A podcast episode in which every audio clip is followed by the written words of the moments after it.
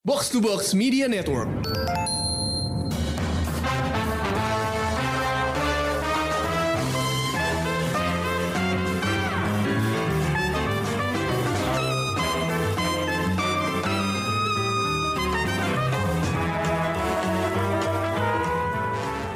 Halo pendengar Showbox, kembali lagi di Out of the Box, diskusi random kita di weekend.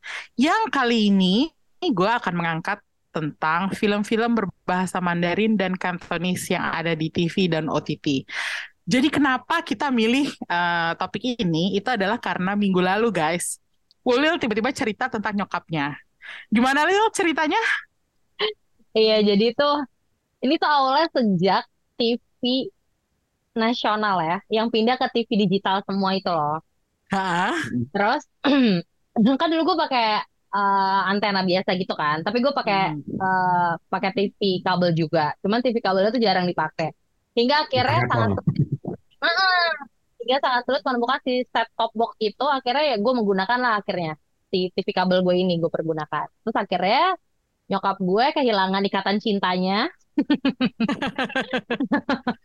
Nyokap akhirnya dia masih lagi. kayak gue beruntung deh Chris nggak mengganti ke TV digital. Akhirnya dia sekarang tiap malam tontonannya ke Trans TV. Di mana Trans TV Hmm. itu kalau udah jam kayaknya udah mulai jam-jam 10 11 gitu ya. eh, di Desember kemarin sampai awal tahun awal tahun ini mereka tuh nayangin film-film Cina. Jadi kalau setiap Hmm. kali tiap malam gue turun gitu ya lihat nyokap gue, waduh ibunda masih nonton film Cina nih gitu. Itu sering Oh. banget, sering banget dan itu Tiap kayak malam itu muter Iya, muter iya. film. Iya, Hmm. hampir tiap malam gitu. Terus kayak eh emang sih dia tuh dia tuh emang suka film-film Cina gitu loh. Kan dulu kalau di Indosiar tuh ada yang kupu-kupu kerajaan gitu kan. Dia Fuchsia. tuh suka dia tuh suka ngikutin kayak gitu. Terus sekarang akhirnya dia menemukan Trans TV yang memutarkan itu. Walaupun kayaknya sekarang udah ganti-ganti lah sama box office lama gitu kan. Ya udah, Hmm. kalau dari situ ya ya udah deh dia bahagia gue juga ya udahlah biarin aja gitu. Oke. Tapi gue salut sih koleksinya Trans TV akan film-film Cina ini cukup banyak ya. Beragam gitu, baik yang dari kerajaan-kerajaan, terus yang kayak polisi-polisian, gangster gitu-gitu. Jadi kadang-kadang eh kalau gue lagi nyamperin nyokap gue, ya udah dia nonton sambil gue ikutan nonton bentar sambil ngobrol habis itu ya udah gue hilang lagi gitu. Nah, ini gara-gara cerita ini, tiba-tiba si Krisna juga bilang, banyak lagi Lil di OTT gitu kan. Nah, terus gue sama Krisna kepikiran, yuk kita perkenalkan dunia film Mandarin dan Kantonis ke Ulil dan para pendengar Showbox yang mungkin baru kenal sedikit atau belum kenal sama Ya. sekali gitu. Karena ternyata nih dunia film berbahasa Mandarin atau Kantonis ini em, cukup luas ya dan Hmm. sejarah sinemanya juga udah cukup panjang. Jadi eh, kalau dibahas sebentar aja sih mungkin nggak bisa sampai mendalam banget. Tapi setidaknya gue sama Krisna punya rekomendasi beberapa film Mandarin dan Kantonis. Eh, by the way, kenapa gue dari tadi nyebut dua bahasa ini ya Mandarin dan Kantonis karena memang bahasa yang dipakai itu beragam kalau di film-film bahasa Mandarin. Ada Hmm. film produksi mainland China, ada film produksi Taiwan, ada film produksi Hong Kong yang memakai bahasa Kanton. Jadi ini harus dibedain gitu karena tipe-tipe sinemanya agak agak sedikit beda gitu ya. Uh, dan uh, jujur aja bedanya di mana gue sih kurang paham. Library pengetahuan gue tentang tentang film-film Mandarin dan Kantonis ini masih tipis, tapi dari apa yang gue tonton, gue lumayan menikmati gitu. Contohnya kayak dulu gue nonton House of Flying Daggers dan Curse of the Golden Flowers. Itu kayaknya kalau lo eh, besar di tahun 90-an eh, dan mulai mengenal film di awal 2000-an, lo pasti nonton film-film ini, House of Flying Daggers, Curse of the Golden Flower, Crouching Tiger, Hidden Dragon gitu. Nah, eh, gue ingat pertama kali nonton film-film Mandarin itu itu tuh di VCD atau DVD gitu. Jadi Hmm. bahkan gue belum ke bioskop sama sekali gitu. Dan eh, salah satu film yang bikin gue tiba-tiba jadi tek Oh, ternyata sinemanya variatif ya. Nggak cuma soal silat, nggak cuma soal apa ya tentang kerajaan-kerajaan seperti yang eh, Ulil bilang tadi, nggak cuma film-film kolosal gitu. Itu gue adalah nonton filmnya Stephen Chow yaitu Shaolin Soccer. Itu Hmm. nonton film gue sampai ngakak tuh sampai ngecas gitu loh. Kayak saking lucunya dan itu gue baru pertama kali gue tahu gue paham bahwa variasinya tuh banyak banget gitu. Nah gue pengen nanya nih sama Krisna. Lo masih inget nggak film Mandarin atau film Hong Kong pertama yang lo lihat Kris? Wah, justru gue punya kenangan yang sangat dalam sih sama film-film dari Hong Kong terutama ya, Kanton. oh oke oke. Mungkin kalau belakangan kayak sejak tahun 2000-an gitu ya, kayak Sinema Asia tuh bergeser ke Jepang sama Cina, Korea banget kan. Korea Hmm. lah terutama. Sebenarnya kalau balik ke 80-90 kan justru eh, Hong, sinema Hong Kong yang merajai Asia gitu kan. hmm ya Cuman betul memang kayak mungkin gue sedikit cerita aja ya. Mungkin eh gue pernah baca produksi mereka banyak banget. Akhirnya itu justru bikin kualitas mereka menurun. Nah itu akhirnya yang jadi titik balik. Eh, memasuki era 2000-an tuh kayak secara global tuh film-film Hong Kong justru agak menurun gitu ya dibanding dua negara yang tadi gue sebut gitu. hmm Sementara gue dulu ingat sempat makin menikmati lah film-film Hong Kong era 80-an 90-an tuh di layar mas RCTI. Dulu ada Oh satu my hari god, ya emas. Heeh, layar mas RCTI itu muter film-film Hong Kong. Nah, di situlah gue mulai Iya, iya. kenalan sama film-film wuxia-nya bela dirinya Jet Li gitu. Terus eh, ya dua yang paling terkenal ya Wong Fei Hung sama Fong Sayuk lah ya. Iya, iya. dia itu. Terus eh, abis itu gue juga berkenalan dengan banyak film-film gangster Hong Kong. Itu salah satu yang paling topnya kan genre yang paling ngetopnya film Mm-mm. itu. Di situ gue kenal sama yang namanya Ekin Cheng sama Tony Leung sama eh, Chow Yun Fat terutama gitu kan. Terus habis itu apa lagi ya? Eh, oh Stephen Chow jelas terus gue dari situ baru anjing ada komedi kayak gini ya absurd gitu. Absurd tapi lucu banget kan Lucu banget asli ya. kayak gue inget tuh yang film Stephen Chow yang mengenalkan gue sama Stephen Chow tuh Fight Back to School terus ada parodinya James Bond From Beijing with Love Iya, Ada- iya. Namanya familiar deh buat gue. iya itu film-film ngetopnya Stephen Chow zaman dulu lah terus ada God of Gambler dua tiga empat itu kan setelah Stephen Chow jadi pemeran utamanya jadi komedi banget kan setelah kalau yang pertama kan masih Chow Yun Fat kan masih agak serius terus oh sama ini juga dulu gue tuh penggemar berat trilogi Condor Trilogi Condor tuh yang mana ya trilogi Condor tuh Legend of Condor Heroes yang pemeran utamanya si Kue Cheng Hmm. Di Bilung ya? Return of the Condor Heroes tuh Indosiar Yoko. ya? Yoko. ya di Indosiar benar terus Tolyongto yang si Lu nonton itu gue Heeh, Tolyongto tuh si Tio di Buki sore. Iya, itu si Tony Lung kan yang main. Nah, itu itu gua tergila-gila banget dulu sama tiga itu terutama Tolyongto dan Return of the Condor Heroes ya gue tuh masih lumayan ingat detail ceritanya tuh kalau untuk dua itu. Jadi di situ sih gua kenalannya terus tapi emang kayak memasuki 2000-an tuh kayak gue mulai lebih justru lebih banyak nonton Jepang dan Korea sih justru makanya makin ke sini justru gua nggak banyak ketinggalan justru sama film-film Hong Kong atau Mandarin. Hmm. Nah, itu kan tadi yang eh, Krisna ceritain, itu semuanya berawal dari TV ya. Karena memang Hmm. pada zamannya Nah, eh, TV semua media ya. ya media yang mengeluarkan eh, tontonan film-film berbahasa Mandarin atau Cantonese ya hanya TV gitu. Setelah itu barulah eh, keluar di media lain.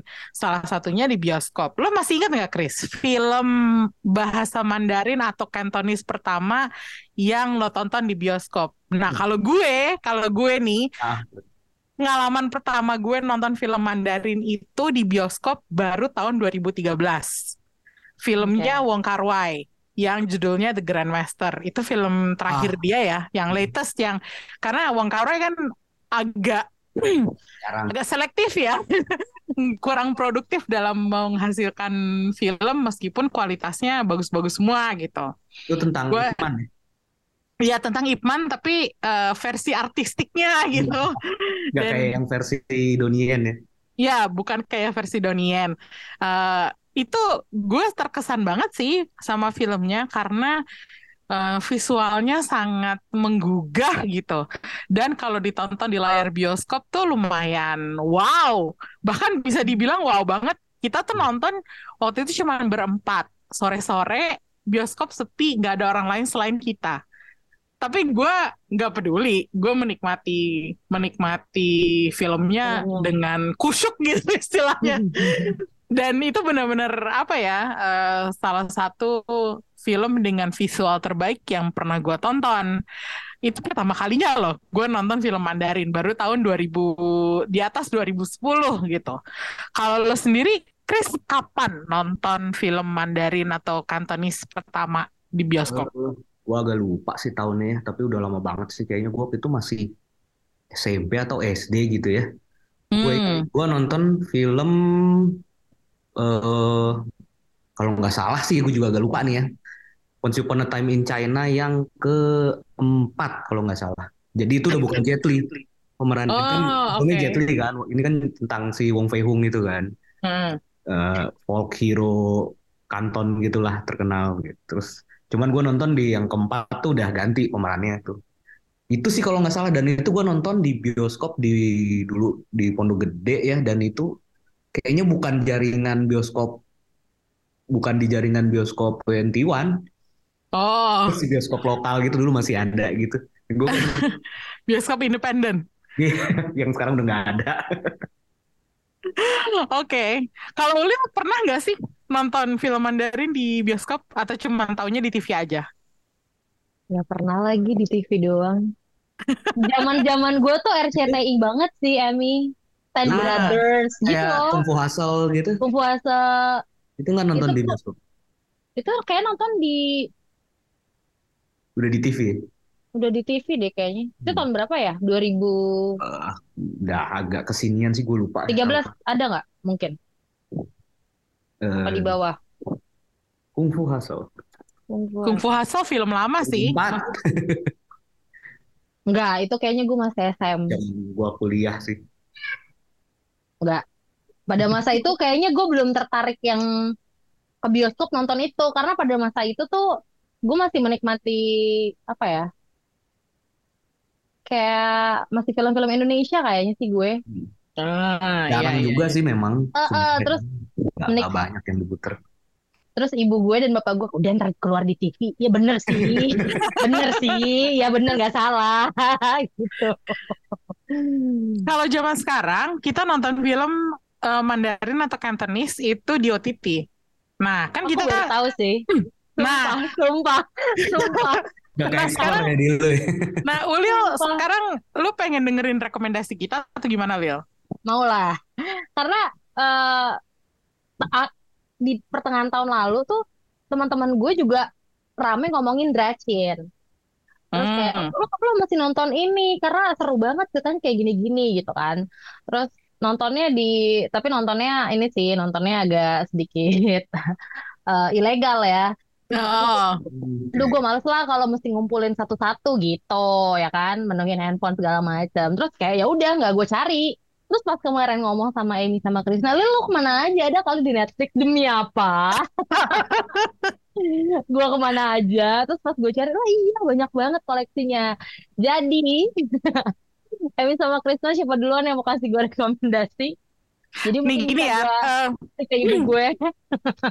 Karena eh, yang gue rekomendasiin tuh eh, gue udah milih tiga judul, yang satu film, yang satu serial, dan yang satu animasi. Jadi Ada eh, ini animasi. Ada animasi banyak, banyak banget sebenarnya, banyak. Dan eh, kalau misalnya eh, mau tahu eh, di OTT, OTT yang gue pilih OTT yang gampang. Jadi lo nggak harus eh, me- nggak harus langganan dulu gitu. Lo biar kan bisa nonton secara gratis walaupun Dengan dengan iklan. iklan. Ya, gitu. Gak apa-apa lah ya. Jadi gue mulai sama rekomendasi gue di Netflix ya. Nanti Oke. eh, gantian aja gue sama Krisna. Em, Mhm. Film pertama yang gue mau rekomendasiin itu uh, yang disebut Yin Yang Master Dream of Eternity. Itu judul bahasa Inggrisnya Oh, di. Netflix. Yang main itu Deng Lun sama Mark Xiao disutradarain oleh Guo Jingming. Ini katanya adaptasi dari manga Jepang Omyoji, tapi eh, adaptasinya adaptasi lepas gitu. Eh, nama karakternya diubah semua ke bahasa Mandarin. Eh, gue pengen rekomendasiin ini karena ini udah jadi salah satu film favorit gue dan ceritanya gampang, nggak jelimet. Banyak unsur eh, serunya gitu. Contohnya bromance-nya. Bromance-nya parah sih, itu bromance banget gitu. Eh, tapi actionnya juga seru dan ada kisah cinta yang lumayan universal. Lo nggak nggak usah peduliin bahasanya, tapi kisah cintanya itu menarik banget gitu. Dan em, karena tinggal buka Netflix, jadi gue rasa gampang banget kalau misalnya lo mau nonton. Beneran Ya. tinggal buka Netflix, cari di browse Yin Yang Master Dream of Eternity, eh, langsung dapet gitu. Da- ini sebenarnya di Netflix ada satu lagi film dengan judul Yin Yang Master.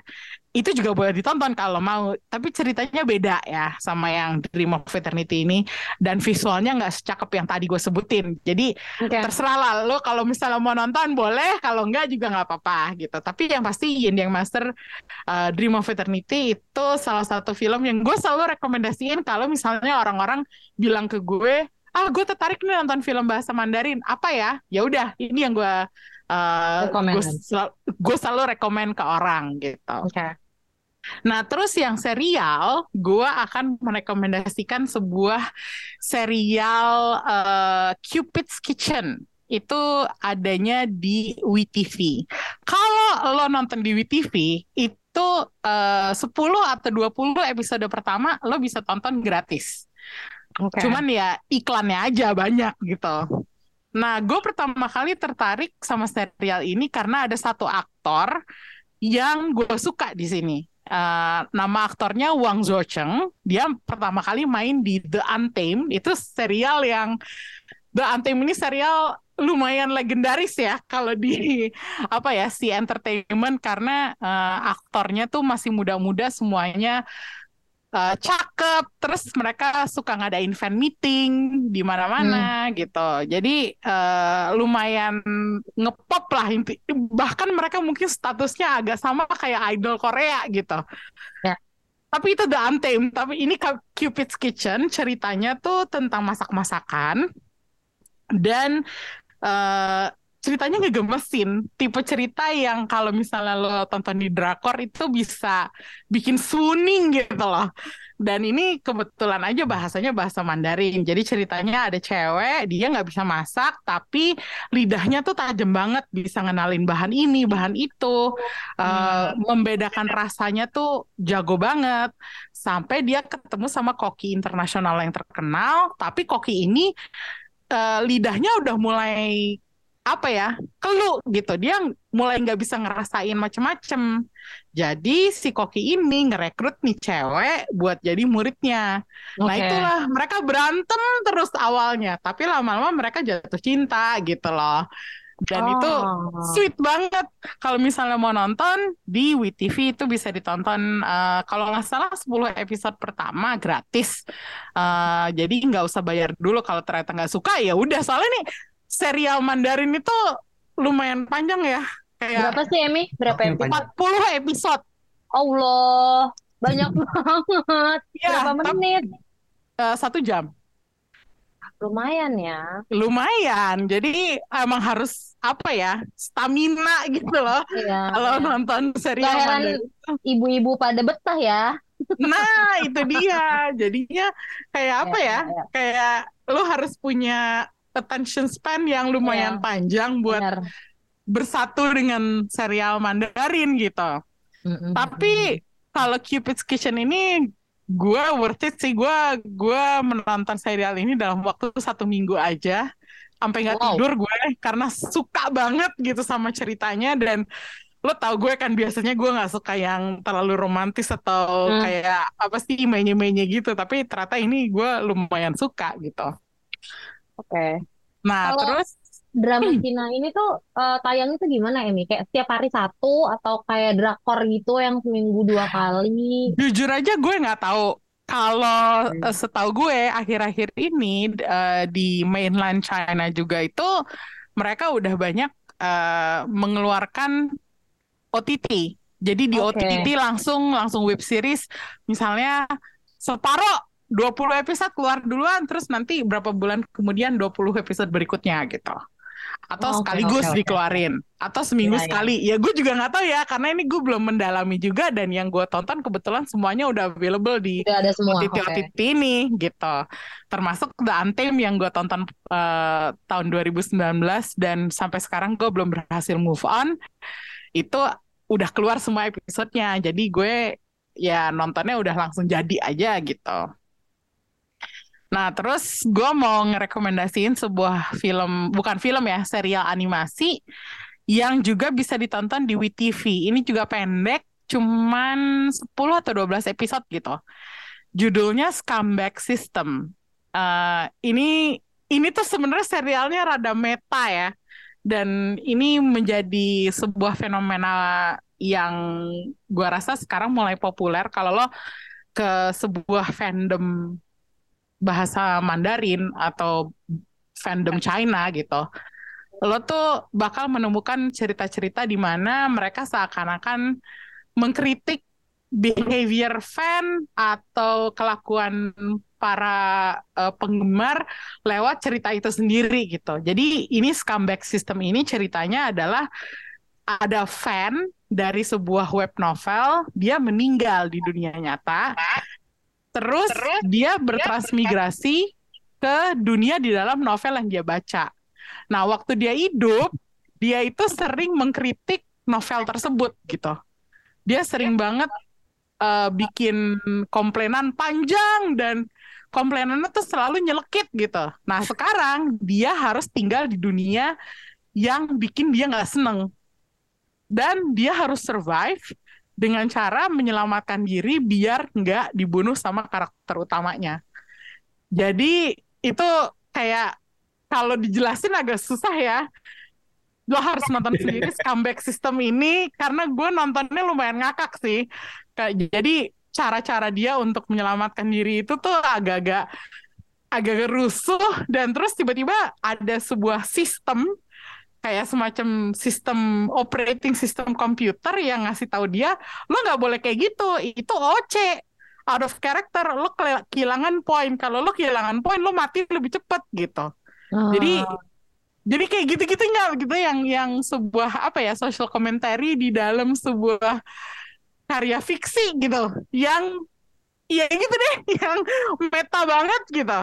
Nah, jadi ini tiga rekomendasi gue ini gue harap bisa apa ya bisa memulai perjalanan uh, lo ke dalam film-film Mandarin sebelum lo kayak misalnya lo seriusin lo pengen gali uh, semua film Mandarin yang ada di OTT gitu. Karena gue rasa nih Krisna rekomendasinya jauh lebih berat daripada gue nih. Berat. Oke, kalau gitu Krisna deh.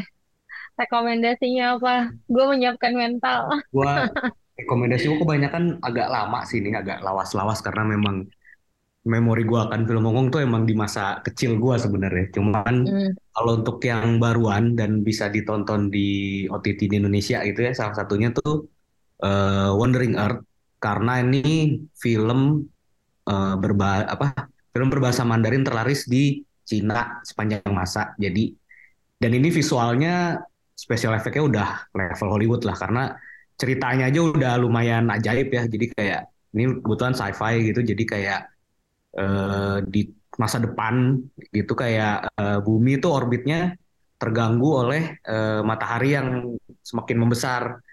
Jadi para ilmuwan di dunia yang dipimpin sama ilmuwan-ilmuwan Cina gitu kayak pengen membawa bumi buminya yang dibawa ya bukan bukan manusia yang pindah tapi buminya yang Buminya. dibawa keluar dari solar system ke Alpha Centauri. Jadi udah udah ngeri banget ceritanya dan itu visual efeknya emang keren banget sih. Terus kali masih di Netflix kayaknya ketika ngomongin sinema Hong Kong terutama ya kayaknya harus Ya. nyebut Infernal Fair sih. Ini eh kebetulan dia feel apa versi pernah diadaptasi sama Martin Scorsese jadi The Departed dan itu menang Best Picture kan. Jadi kayak harus disebut juga Infernal Affair ceritanya emang uh, tentang polisi dan gangster yang saling nyamar gitu. Jadi di polisi ada mata-mata dari gangster, di pihak gangster ada mata ada mata-mata dari polisi. Jadi itu yang main Tony Leung sama Andy Lau. Hmm. Terus selain itu di Klik Film tuh bahkan ada kategori dia punya kategori sendiri itu 90s Hong Kong sama uh, 80s Hong Kong. Jadi lu bisa ada kategorinya. Hmm, kalau di situ sih yang gua paling rekomendasiin mungkin Legend of Speed karena itu film tentang balapan uh, dan itu diperanin sama salah satu aktor Hong Kong favorit gua lah Ekin Cheng.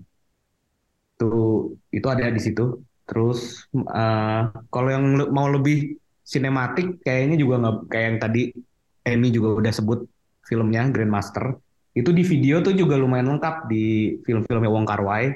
Itu ada In the Mood for Love ada Chungking Express terus ada As Tears Go By sama Fallen, Fallen, Fallen Angels tuh ada lah di situ. Kalau kayak kalau mau mengenal Wong Kar Wai lebih dalam tuh ada di situ. Terus ya pastinya film-film Stephen Chow lah ya.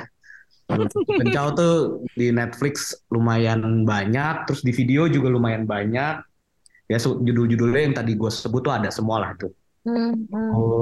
Terus sampai yang baru-baru juga kayak yang dia sutradarain sendiri tapi dia nggak main tuh Mermaid itu juga hmm. ada. Itu dia dia nggak main di situ, dia cuma nyutradarain tapi terasa itu film komedinya emang dia banget gitu. Absurd hmm. absurd itu tetap dia banget lah gitu. Terus sama gue baru nggak sih di video juga ternyata ada serial-serial wuxia klasik. Dia ada Legend of Condor Zero sama Return of Condor Hero. Sayangnya tapi memang yang Return of the Condor Heroes-nya bukan yang versi Andy Lau sih, tapi kan emang uh, trilogi Condor ini kan kayak udah karya epiknya mereka gitu ya, jadi emang udah berkali-kali diadaptasi lah jadi serial gitu. Nih, ternyata ada di video sama White Snake Legend. White Snake Legend hmm, juga ada di video itu kan iya. mungkin buat yang seumuran gue, generasi gue itu lumayan kenal ya legenda ular putih itu. itu sih kalau dari gue lumayan cukup banyak dan legend ya. Untuk dan ini aja ini aja Lil belum kita sentuh uh, eh, OTT OTT yang lain ya kayak ya. Aiki itu banyak banget serial oh, Mandarinnya. Aiki, iya iya iya. Ya, ya uh, sempet gue kepikiran mau langganan Aiki tapi terus gue mikir Netflix aja belum habis gue tontonin. Masa Apa udah cari udah cari OTT baru gitu. Dan kalau misalnya dikulik itu itu lebih banyak lagi sih film-film Mandarin. Uh, bahkan di YouTube aja gue suka menemukan serial Mandarin pakai subtitle bahasa Inggris mm -hmm. yang bisa ditonton totally gratis. Official dan, dan itu official official itu official. Gitu. Jadi sebenarnya kita tuh dikelilingi sebenarnya sama karya-karya Mandarin dan Kantonis yang kalau menurut gue lumayan gampang untuk diakses gitu.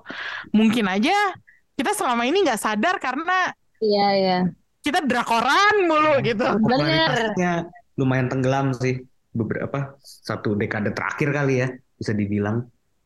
Hmm, iya, tapi ada beberapa misalnya uh, pockets of the internet gitu yang masih suka ngomongin uh, kalau lo ngikutin berita-beritanya artis-artisnya yeah. uh, itu ya sedikit-sedikit lo tau lah apa perkembangan yang terjadi di sana gitu dan uh, kita udah pernah ngebahas di Out of the Box uh, tahun lalu gue nonton acara Mandarin acara dance gitu Street Dance of China dan itu bahkan salah satu hostnya Street Dance of China, uh, salah satu hostnya uh, yang juga jago dansa itu itu aktornya Antem gitu. Jadi sebenarnya mereka di mana-mana gitu loh.